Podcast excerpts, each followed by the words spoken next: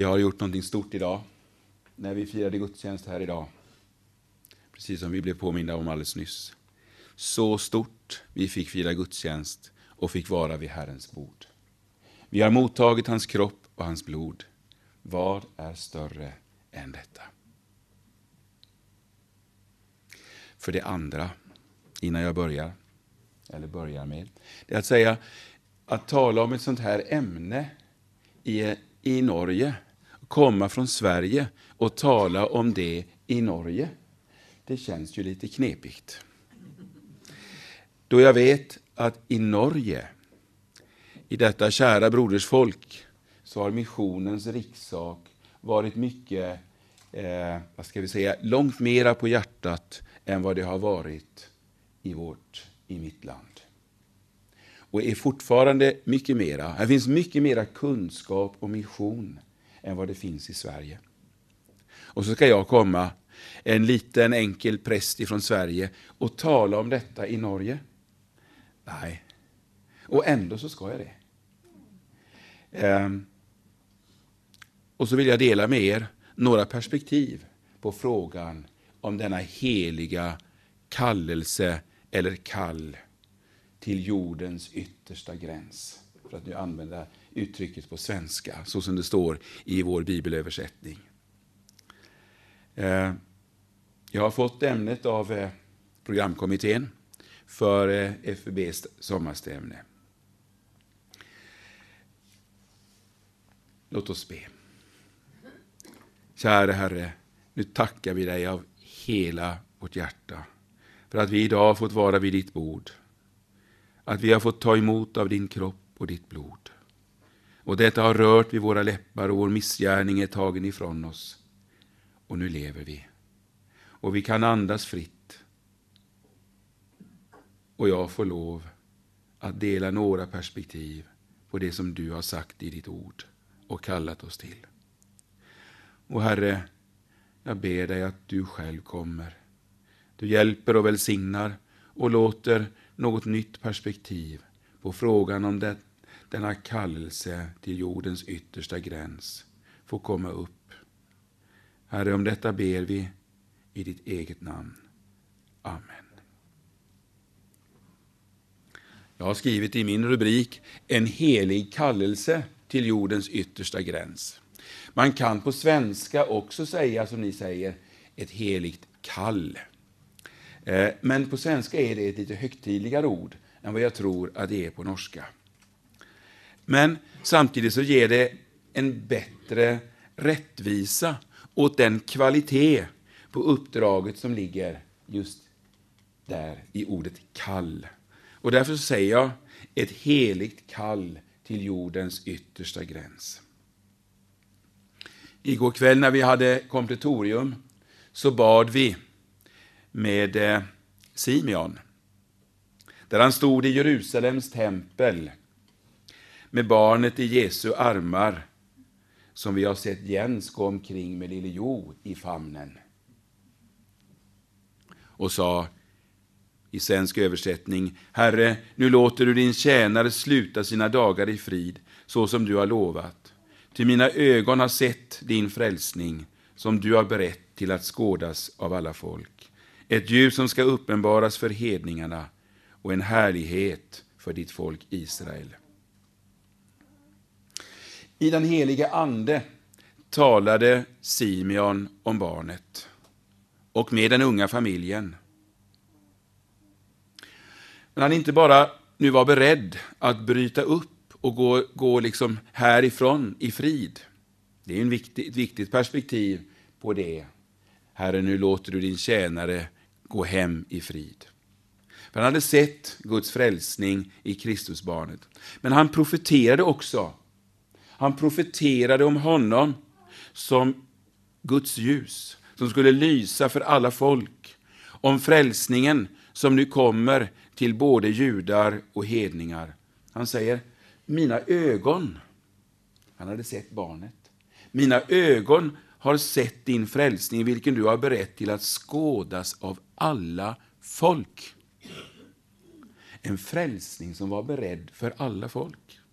Hur kunde Simeon veta det? Jo, därför att profeten hade sagt det. Han visste naturligtvis att profeten Jesaja hade skrivit Stå upp, var ljus, ty ditt ljus kommer, och Herrens härlighet går upp över dig. Se, mörker ska övertäcka jorden och töcken folken, men över dig ska Herren gå upp, hans härlighet ska uppenbaras över dig. Och så står det, hedna folk ska vandra i ditt ljus och kungar i glansen som går upp över dig. Lyft dina ögon och se dig omkring. Alla samlas och kommer till dig. Dina söner kommer fjärran ifrån. Dina döttrar bärs fram på armen. Då ska du se det och stråla av fröjd. Ditt hjärta ska bäva och vidga sig. Och det var det som ägde rum när gamle Simon, ja gamle och gamle, det står inte att han var gammal. Det står bara att han hade löften om saker och ting fram emot sin, mot sitt livs slut. Men det står aldrig att han var gammal. Men där stod han. Hans ansikte strålade av fröjd, tänker jag, när han står och ser på det lilla barnet. Lika mycket som jag ser när, när Jens ser på sin lille Jo. Jag har sällan sett någon pappa stråla så mycket över, över denna lycka. Men där stod Simeon. Det var i den helige Ande som Simeon kunde vittna och profetera så här. På Olivberget, långt senare, så sa Jesus, när den helige Ande kommer över er, då ska ni få kraft och bli mina vittnen i Jerusalem och i hela Judeen och Samarien och ända till jordens yttersta gräns. Apostlagärningarna 1 och 8. Den heliga Ande är utgjuten över Guds församling och det finns i hans församling kraft att vittna, att bära fram det vittnesbörd som kan föra människor från mörker till hans underbara ljus, för att citera ifrån det ord som vi läste igår kväll. Jag ska gå en liten stund till Jesus sista befallning. Jesus sista befallning, så kallade Elle Mängström eller Jesus sista bud, sa Elle, gamle Elle Mängström, Bolstaprosten i Dalsland, som har gett namn åt vår gymnasieskola i Göteborg. Jesus sista bud. Vi ska läsa den heliga order, eller befallning, som vi oftast kallar för missionsbefallningen, men ibland för dopbefallningen. Vi läser de fem sista verserna i kapitel 28 hos Matteus, de mycket välkända orden. De elva lärjungarna begav sig till det berg i Galileen dit Jesus hade befallt dem att gå. Och när de såg honom tillbad de honom, men andra tvivlade. Då trädde Jesus fram och talade till dem och sa, jag har fått all makt i himlen och på jorden. Gå därför ut och gör alla folk till lärjungar. Döp dem i Faderns och Sonens och den helige Andes namn och lär dem att hålla allt vad han har befallt er. Och se, jag är med er alla dagar intill tidens slut. Det Jesus skulle göra på berget i Galileen, det var mycket väl förberett. Eh, det förstår vi om vi läser noggrant vad som står tidigare i Matteusevangeliet. Redan kvällen före sitt lidande så säger Jesus till Petrus och de andra, när han talar om och profeterar om Petrus förnekelse, så säger han också men att han ska före dem, gå före dem till Galileen. Där ska ni få se mig. Vid den tomma graven så säger ängeln till kvinnorna, inte bara att han är uppstånden, han är inte här, men ska, han ska gå, gå före er till Galileen. Hälsa hans lärjungar detta och där ska de få möta honom. Och när kvinnorna går från graven så kommer det tillbaka en tredje gång, just samma sak. Då möter Jesus dem och säger till dem att de ska hälsa lärjungarna. De ska först, för det första säger han till dem, var inte rädda. Och sen så ska de hälsa lärjungarna att de ska gå till Galileen och där ska de få möta honom. Det måste vara något oerhört viktigt, det som skulle hända i Galileen när det ser ut på det här sättet. på en bestämd plats. Det står att dit Jesus hade befallt dem att gå. säkert också en bestämd tids, tidpunkt, så har de elva begett sig till platsen. Men vi bör nog inte tänka att det bara var de elva som var där, utan många fler. Lärjungaskaran i Jerusalem som fick höra kvinnornas berättelse, det var ju många, många fler än de elva. Och berättelsen om mötet med ängeln vid graven och mötet med Jesus och orden om Galileen, det har säkert lett till att de i hög grad har följt med upp till Galileen. Många. Väl där uppe har de också träffat på många av dem som där uppe var Jesu vänner. Och så har man berättat om korsfästelsen, denna från början som det såg ut fruktansvärda katastrof. Men så om uppståndelsen och om löftet att han ska visa sig. Paulus berättar om ett tillfälle då Jesus visade sig för mer än 500 bröder på en gång. Många bibeltolkare menar att det handlar om mötet på missionsbefallningens berg. Och det gör också jag. Och bland de 500 fanns det, står det nu i så fall, några som tvivlade.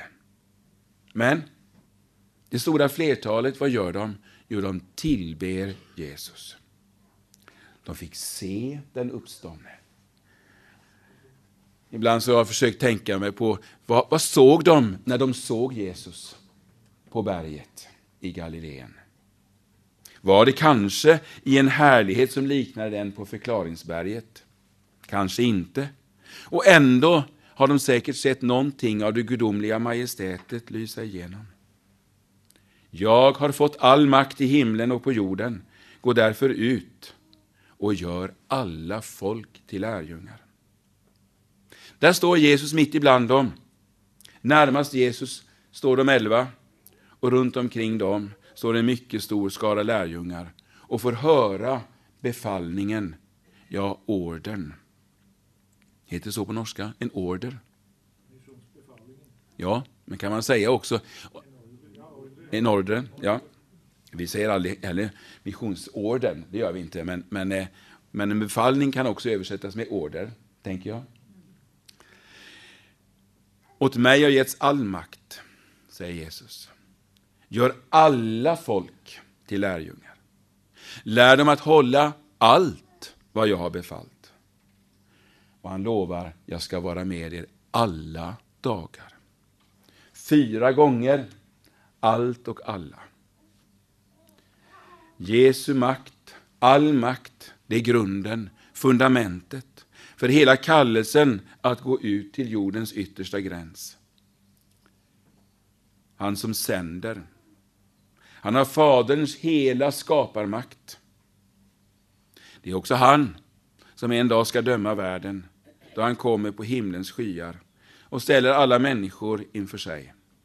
Men genom sin död har han också vunnit det som för syndare är det absolut största av allt.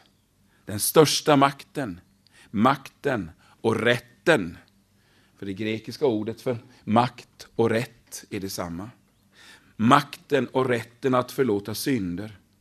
Möjligheten att på rättfärdiga grunder förklara en syndare rättfärdig.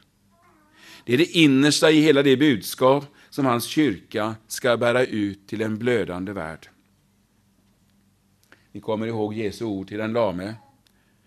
Min vän, dina synder förlåtas dig. Och så säger han till dem som protesterade, för att ni ska veta att Människosonen har makt här på jorden att förlåta synder. Och så står det att han vände sig till den lame och sa, ta din säng och gå. Jesus har gett sitt liv för alla människor.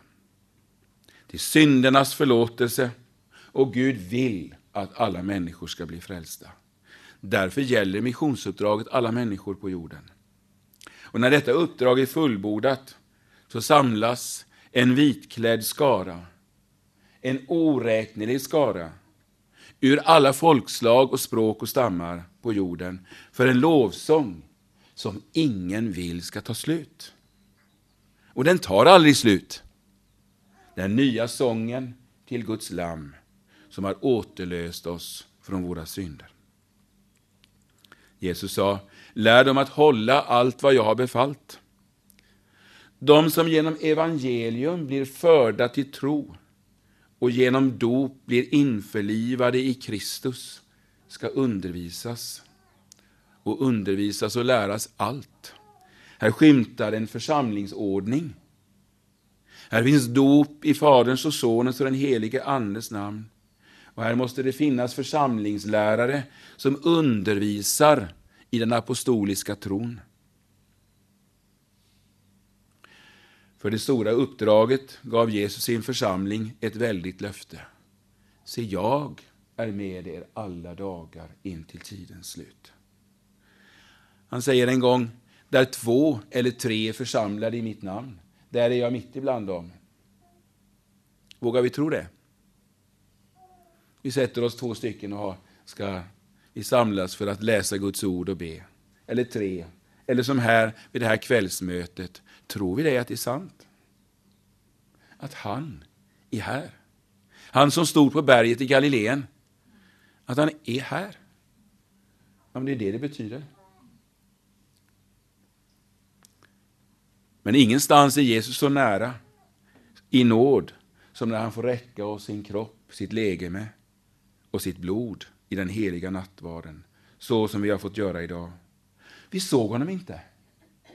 Och ändå såg vi honom i brödet och den där bägaren. Han var där, lika verkligt som på berget i Galileen. Elva apostlar tillsammans med en stor lärjungaskara fick höra Jesus säga allt detta. Apostlarna skulle i detta arbete ha ett särskilt ansvar, precis som herdar ska ha det också i fortsättningen. Men alla skulle ha sitt ansvar och alla skulle vara delaktiga. Några dagar efter detta, eller kanske ett par veckor, så var skaran samlad igen. Kanske inte lika många, men säkert många fler än apostlarna. Då var de på Olivberget. Stunden var inne för hans himmelsfärd. Då gav han det väldiga löftet som svar på frågan om Guds rikes ankomst. Då sa han, säger, han svarar inte på frågan som de ville ha svar på. Men han säger att när den heliga Ande kommer över er, då ska ni få kraft att bli mina vittnen i Jerusalem och i Judeen, i Samarien och ända till jordens yttersta gräns.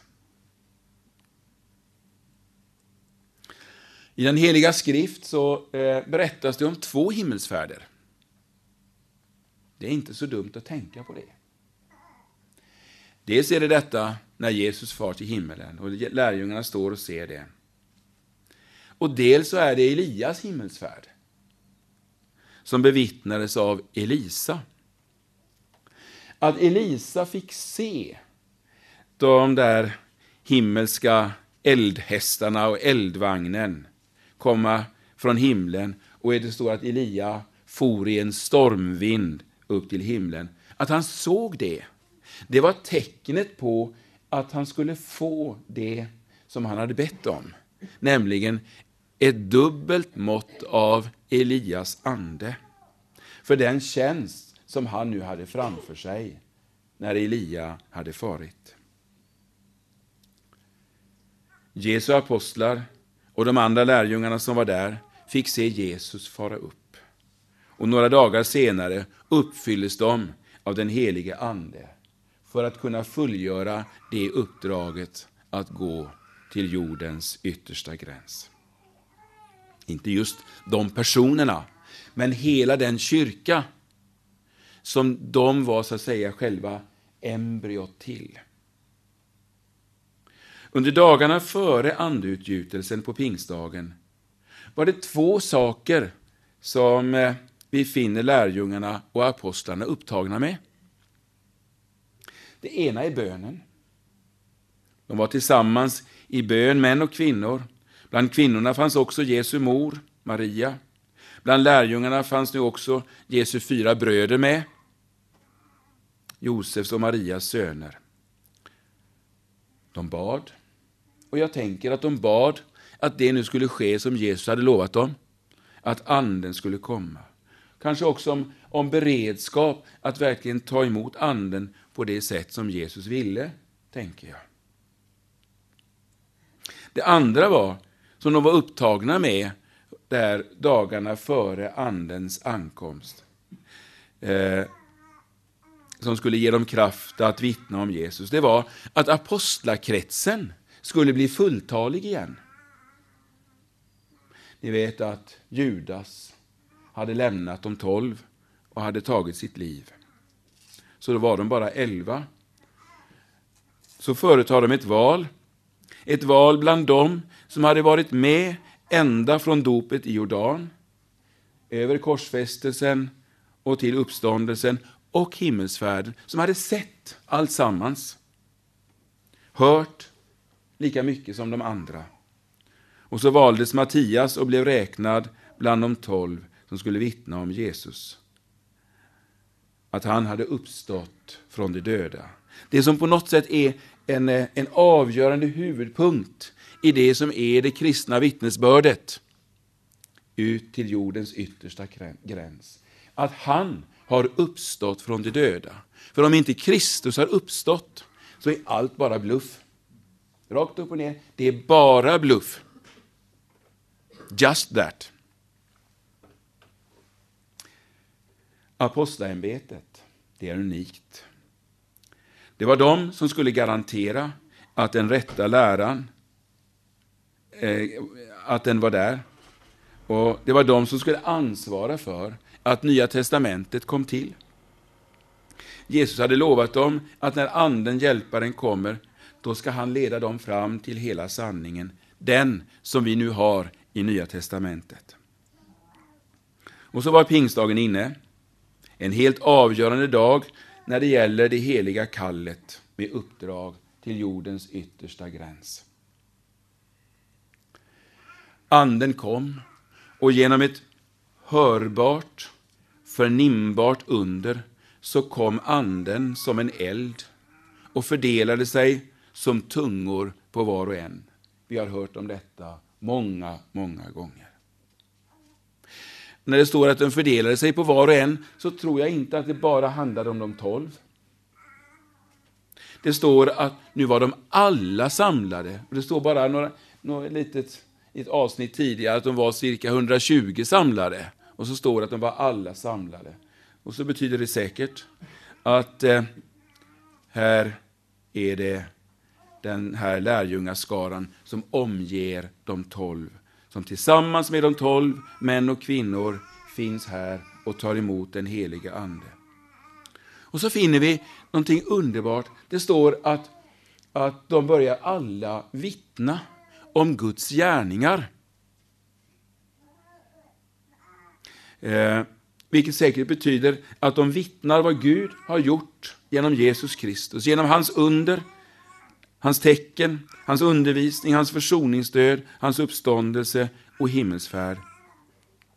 De har vittnat om detta och ett språkunder skedde den dagen så att alla de här människorna som var samlade där i Jerusalem för att fira pingst, som kom från en hel massa olika håll i världen, de hör sina egna modersmål talas. Och som ett tecken på att Gud ville att detta budskap skulle nå till jordens yttersta gräns. Vittnesbördet genom dessa många vittnen väckte stor uppståndelse. Det är inte så konstigt. Det är också en, ett under som skedde där med ett, en väldig, ett, en, vad det nu var, om det upplevdes som jordbävning eller, eller eh, vad heter det, ni vet hur det är när man spränger. Det har i vår, hemma hos oss och är det alldeles i närområdet bygger de ett jättestort nytt bostadsområde så sprängs det.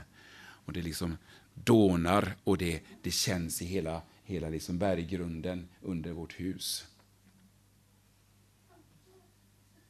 Och då fortsätter Lukas med att skildra det här. Det var både de man undrade, det blev också de som gjorde narr av det. Och så står det att Lukas berättar om, om den offentliga förkunnelse som nu sker. Då trädde apostlarna fram. Och Petrus var deras talesman. Och håller den predikan som leder till det väckande sticket i hjärtat. Och kommer också med svar på den fråga som ställs. Bröder, vad ska vi göra? Och Petrus svarar de kända orden. Omvänd er och låt er alla döpas i Jesu Kristi namn till era synders förlåtelse. Så ska ni också alltså få som gåva den helige Ande. Han fortsatte den förkunnelsen tills han var färdig och cirka 3000 människor som vi vet döptes den dagen. Och Det som kommer sedan omedelbart efter detta, det är skildringen av hur församlingen med de många husförsamlingarna i Jerusalem började ta form. Levande förkunnelse till omvändelse måste alltid följa det mönstret. Förkunnelse och församling. Omvändelse och församling och liv i församling. Det står att de samlades hemma i husen, vi kunde väl säga i husförsamlingarna, där de firade gudstjänst och nattvard. Och det står uttryckligen att det var i jublande glädje. Jag har anat att det har funnits en del jublande glädje här idag efter nattvardsfirande. Och det får vi lov att göra, och vi har anledning att göra det i jublande glädje. Och Det står om dem att de höll fast vid apostlarnas undervisning, brödragemenskapen, brödsbrytelsen och bönerna. Jag ska inte gå in på det, det kunde ge anledning till mycket. Igår så läste vi ordet ifrån första Petrusbrevets andra kapitel och vers 9. Men ni är ett utvalt släkte, ett konungsligt prästerskap, ett heligt folk, Guds eget folk, för att ni ska förkunna hans härliga gärningar, hans som har fört er från mörkret till sitt underbara ljus. Ni som förut inte var ett folk är nu Guds folk. Ni som inte hade fått barmhärtighet har nu fått barmhärtighet. Här gömmer sig en helig kallelse. En kallelse till vittnestjänst om något mycket stort som har skett. För det är något oerhört stort om jag har fått lov att komma in där. Han har fört oss från mörkret till sitt underbara ljus. Att vi har fått bli ett Guds folk. Att vi kan få känna det så som du beskrev här i inledningen. Och nu har jag glömt vad du heter. Åse. Det du berättade. kan hända att vi ibland har missförstått lite grann det där ordet hos Petrus. Kanske ibland att jag förvanskas lite grann. Eh, det är inte så ovanligt att man härleder kallelsen i Guds församling till förkunnelsen av Guds ord, det vill säga att vara herde i församlingen utifrån det här ordet, att vi ska förkunna hans härliga gärningar. Kanske inte alldeles riktigt. Det grekiska ordet som här är översatt med förkunna har inte direkt med förkunnelse i strikt mening att göra. Det grekiska ordet exangelain här finns inte någon annanstans i Nya testamentet. Det är bara där. Eh, betydelsen tog det ligga väldigt nära andra besläktade ord som betyder någonting av att berätta, komma med budskap. Som till exempel när Maria Magdalena kommer springande in till Jerusalem och har varit vid graven och berättar. Eller som när kvinnan vid Sykars brunn har ställt sin kruka och kommer in till Sykar och berättar, kom och se en man som har sagt mig allt.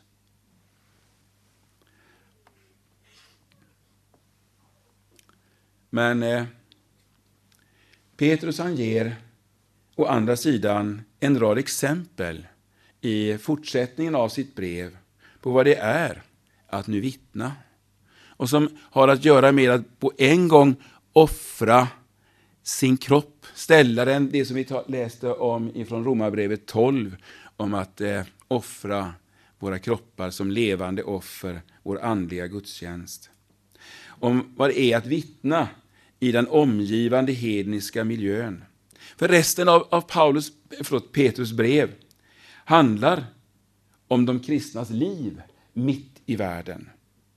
Hör till exempel vad han skriver redan i samma kapitel, i vers 12. Då säger han så här. Uppför er väl bland hedningarna när de anklagar er som förbrytare. Ser alla goda gärningar som ni gör och prisar Gud den dag han uppsöker dem. Hör ni? Alltså den dag som Gud söker dem, så ska de komma ihåg, ja det, det var det där de gjorde. Så var det.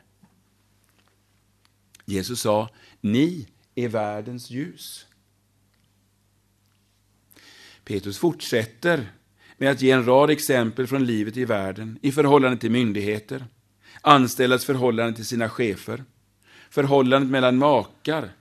Det syns i världen hur vi som kristna makar förhåller oss till varandra. Det lägger folk märke till. Och skulle vi få lida för Kristi skull, så förbannar vi inte. Vi välsignar. Vi ger inte igen. Vi älskar. Vi ber för dem som talar illa om oss. Här talar också Petrus om att vara beredd att ge skäl för sitt hopp.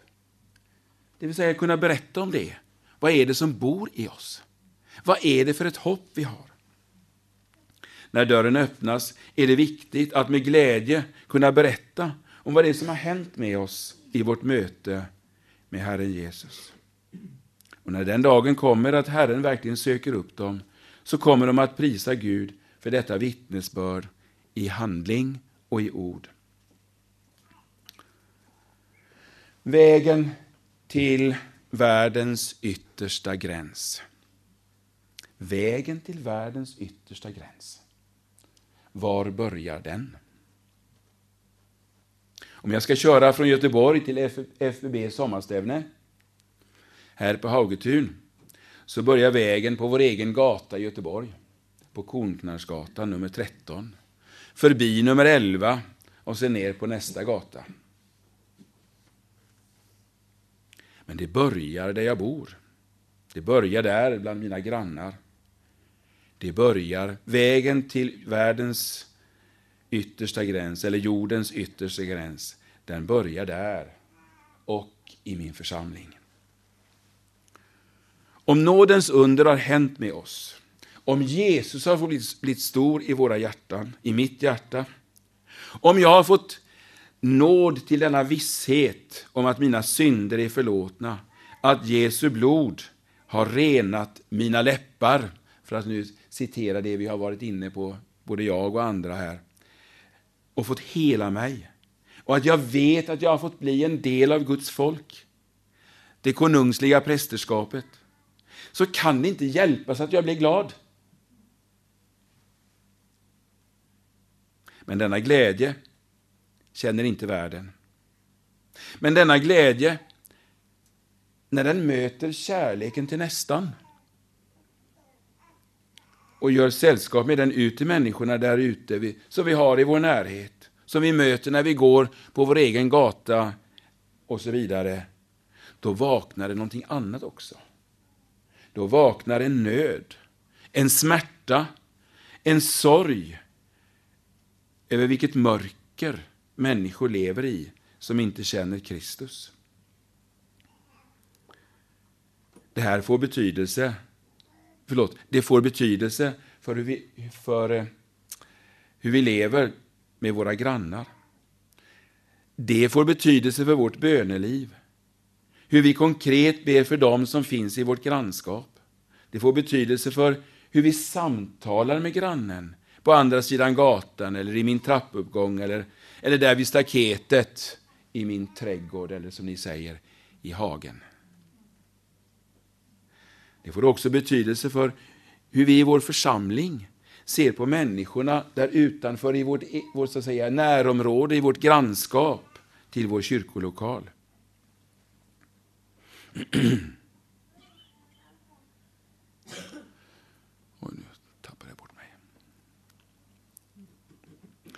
Somliga av oss har inget emot att gå på gudstjänst. Eller, det vill vi alla, tänker jag, vi som är här. Och vi som har kommit hit, tänker jag, har med glädje rest på FUB sommarstävne. Men det kan bli en livsstil som inte frågar efter min nästas nöd. Jag tänkte tanken så här. Om jag skulle gå på promenad i, min, i min, mitt eget grannskap i sällskap med Jesus. Och han skulle gå där bredvid mig och samtala med mig. Vad ville han säga till dem som vi mötte? Han och jag. Om vi stannade och började samtala med honom sa där om de vackra rosorna han har i sin trädgård. Det kan ju vara ett sånt där öppningsord man kan ha när man ska samtala med en granne. Vilka fina rosor du har. Ja, jag ger inget svar på det, på frågan. Men frågan blir för mig lite aktuell.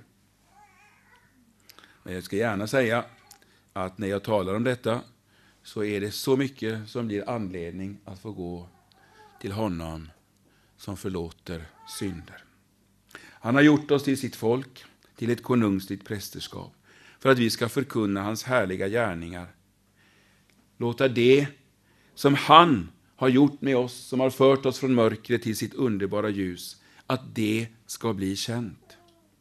Men jag är så ofta så stressad eller så generad att jag ingenting säger. Men om jag har, har eh, men om jag, förlåt, men om jag en tid har talat med Jesus om min granne, talat med honom i bön, så kommer Jesus att i rättan, i rättan tid ge mig ett ord.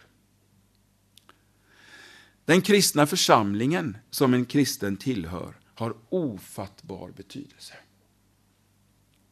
Några viktiga saker som jag just här vill peka på är följande.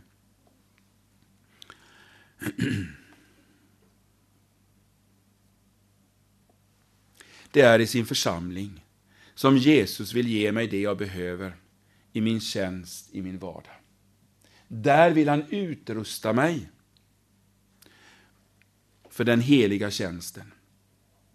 Ingenstans kan Jesus ge de sina en sån frimodighet som när han får mätta dem vid sitt bord med sin kropp och sitt blod.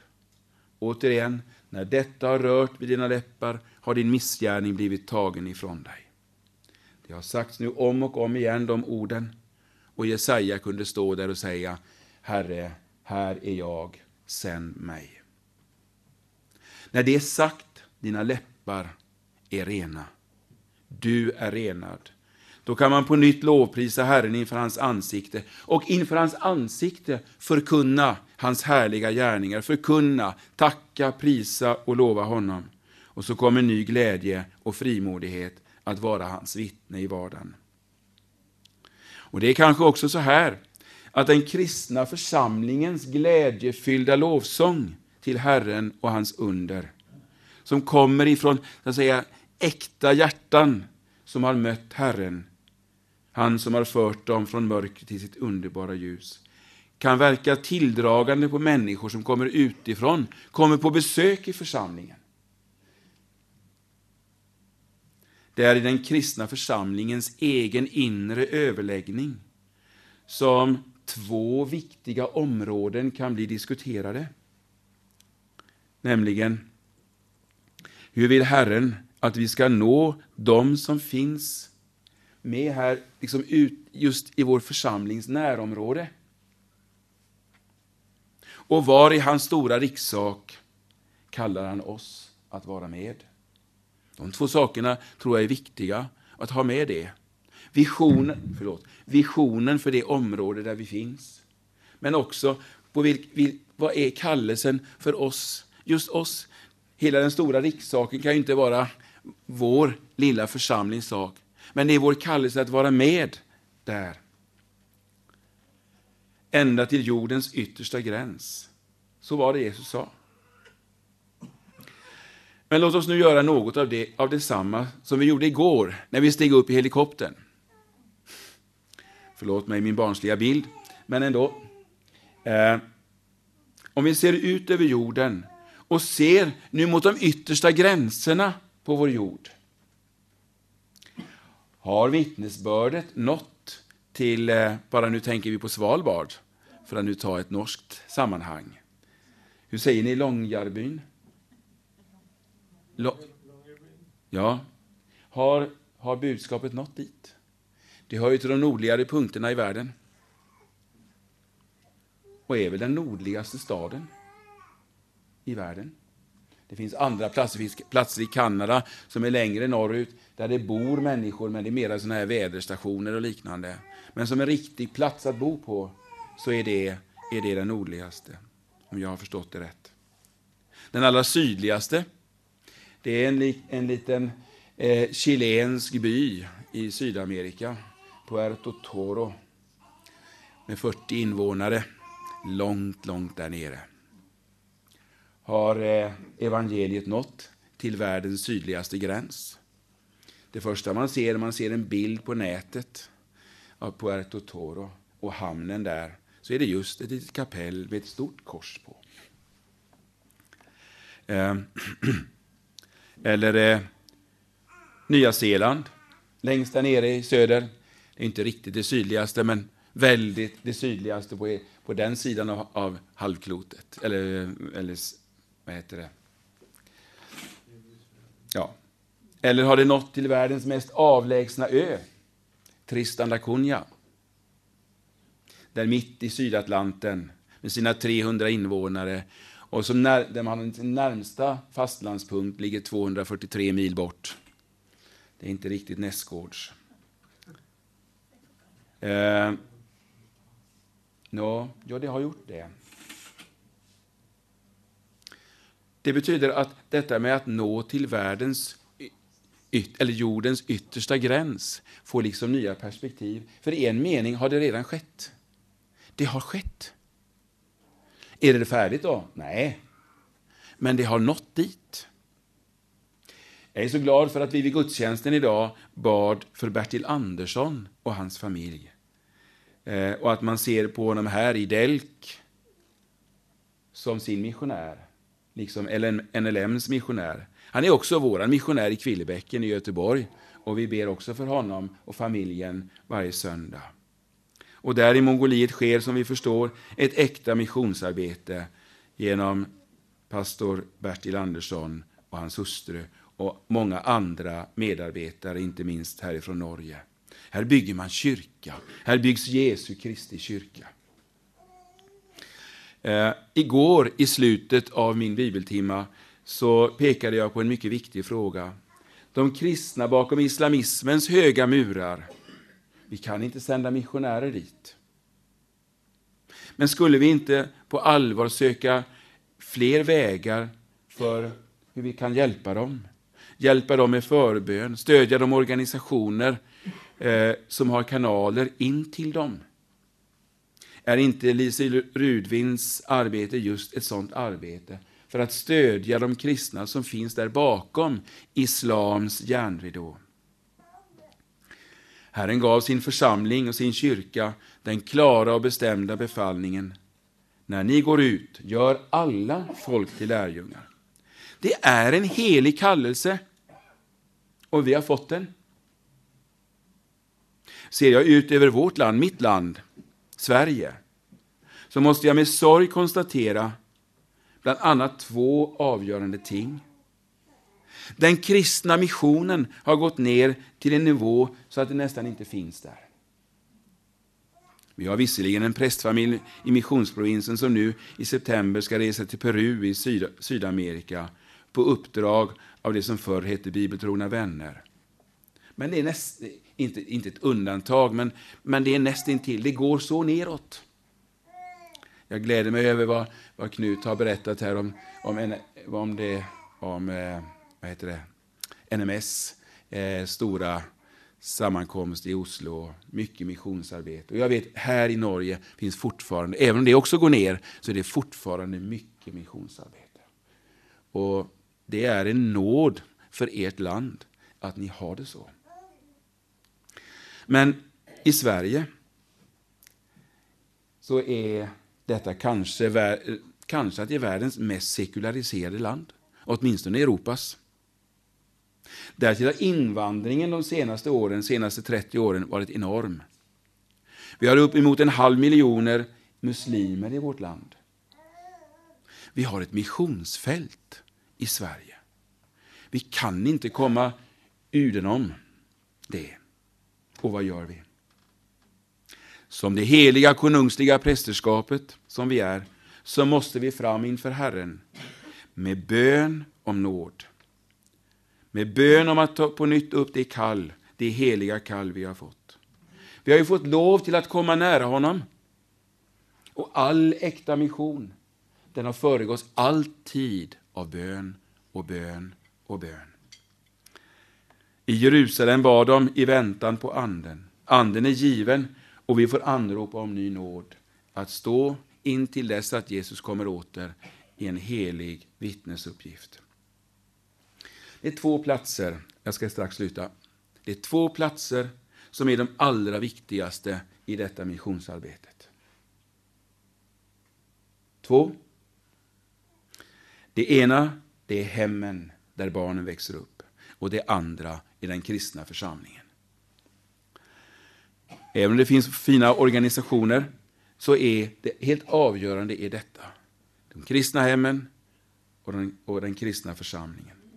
Genom kyrkans historia är det utan tvekan en sak som har varit viktigare än allt annat i det kristna missionsarbetet och som har lett till människors kristna tro. Och det är för kristna föräldrars fostran av sina barn. Det är nu inte alltid att det lyckas. Nej, men ändå. Det finns inget viktigare område för missionen än de kristna hemmen, med den kristna dopundervisningen och andaktslivet och det kristna föredömet. Och det andra området är den kristna församlingen. I en tid, inte minst i vårt land, när de gamla kyrkliga strukturerna faller sönder, folkkyrkoförsamlingar förlorar sin identitet som kristen kyrka, så måste Guds folk med nytt heligt allvar, med ny helig kallelse bygga församlingar på nytt. Och en av de frågor som blir, blir aktuell då, det är ju kallelse och ordination av goda, unga, kristna män som kan bli herdar. Medan man väntade på anden dagarna före den första pingsten så sökte man återställa apostlarnas tolvtal och gjorde det. Vi i vår tid måste med, på nytt, med nytt allvar fråga, var finns, var finns de unga män och de mogna, kloka män som kan gå in och bli herdar i nya församlingar.